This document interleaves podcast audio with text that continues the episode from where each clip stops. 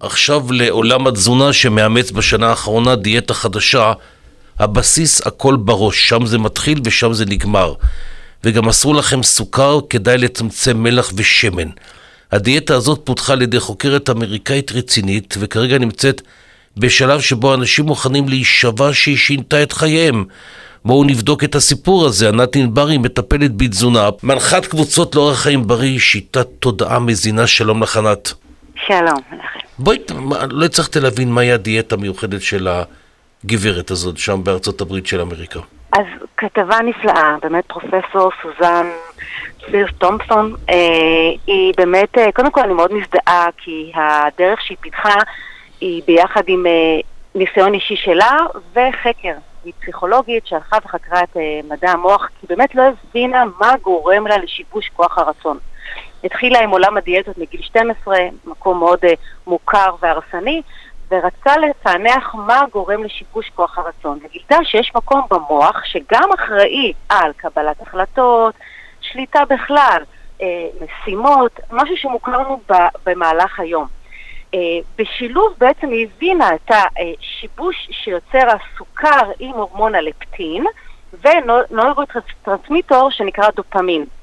כל אלו בעצם אחראים גם על המצב רוח, על התחושה טובה, על הערנות, והמרכז הזה במוח, רבים יודעים, מי שיש לו נטייה להשמנה, שבמהלך היום כשנמצאים בפגישות, בישיבות, בביצוע משימות, אין להם צורך באכילת מתוק כמו שבערב למשל, שבעצם יש פחות צורך במוח, והמוח עייף מהמשימות והשליטה mm-hmm. היומיומית, ואז התסכול הזה, מה קורה שגורם להם באמת לאכול.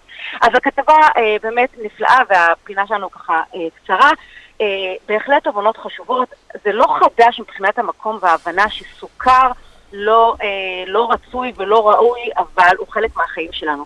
ופה יש קצת חילוקי דעות מבחינת כתבה, כי היא נכונה בוודאות והכל מתחיל במוח וזה חדשות, אה, אה, חדשות שמתחדשות וחשוב שיגדלו. כן. אה, העיקר שזה זונח את הקלוריות ואת הדיאטות ואת כל הדייטים שיש להם השפעה מאוד דומה גם לסוכר, מי שעדיין כפר. היא גם כן. מדברת על הקמחים, ואנשים נתלים על נושא של הלחם ולא מבינים שהלחם רק גורם להם ליותר תיאבון. אז זה, זה בהחלט כתבה אה, מבורכת במקום. אבל תראה, אני התרשמתי באמת מההקדמה וגם מהדברים שלך, אבל אם הכלל הראשון, כמו שהיא אומרת לפחות, לגמרי בלי סוכר, אז מה הסיכוי של מישהו לעמוד בזה? כלומר, כמה אנשים יכולים לנהל חיים שלמים בלי לגעת במשהו מתוק? בדיוק, ולא רק זה, זה באמת הכל מתחיל במוח.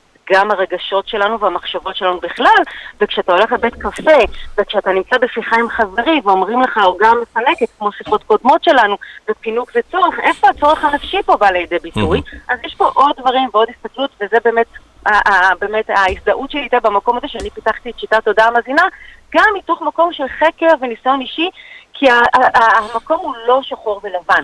היתרון אצלה בשיטה, שלהבדיל בשיטות אחרות שאומרות לא סוכר, אבל בלי סוף חלבונים ושומנים, היא גם מתייחסת, נכון ששומנים וחלבונים יכולים לעזור לנושא של הכוח הרצון, אבל גם פה יש איזה שהן מגבלות. אבל בהחלט לשלב את הגוף נפש, וזה חקר נפלא, והתובנה שבאמת דברים מתחילים במוח גם עם התזונה וגם עם התודעה. אז יכול להיות שבעתיד הקרוב אנשים שירצו לרדת במשקל, לא ילכו לתזונאים, אלא לפסיכולוגים, כלומר מישהו ימצא שיטה כמו הפסקת עישון למשל, שתשכנע אותנו פשוט לא לגעת במה שלא טוב לנו.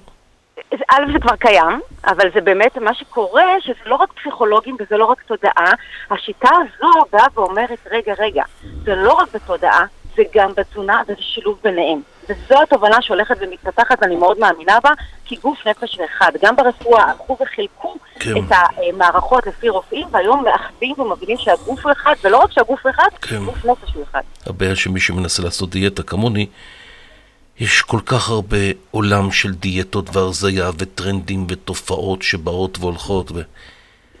אז, אז הדבר הראשון שאתה צריך לעשות זה למחוק את המילה דיאטה וכמו שדיברנו בעבר, כן. לא אסור, אלא באמת המקום הזה של הבנה אה, וקורים דברים נפלאים כשעושים את עולם הדיאטות.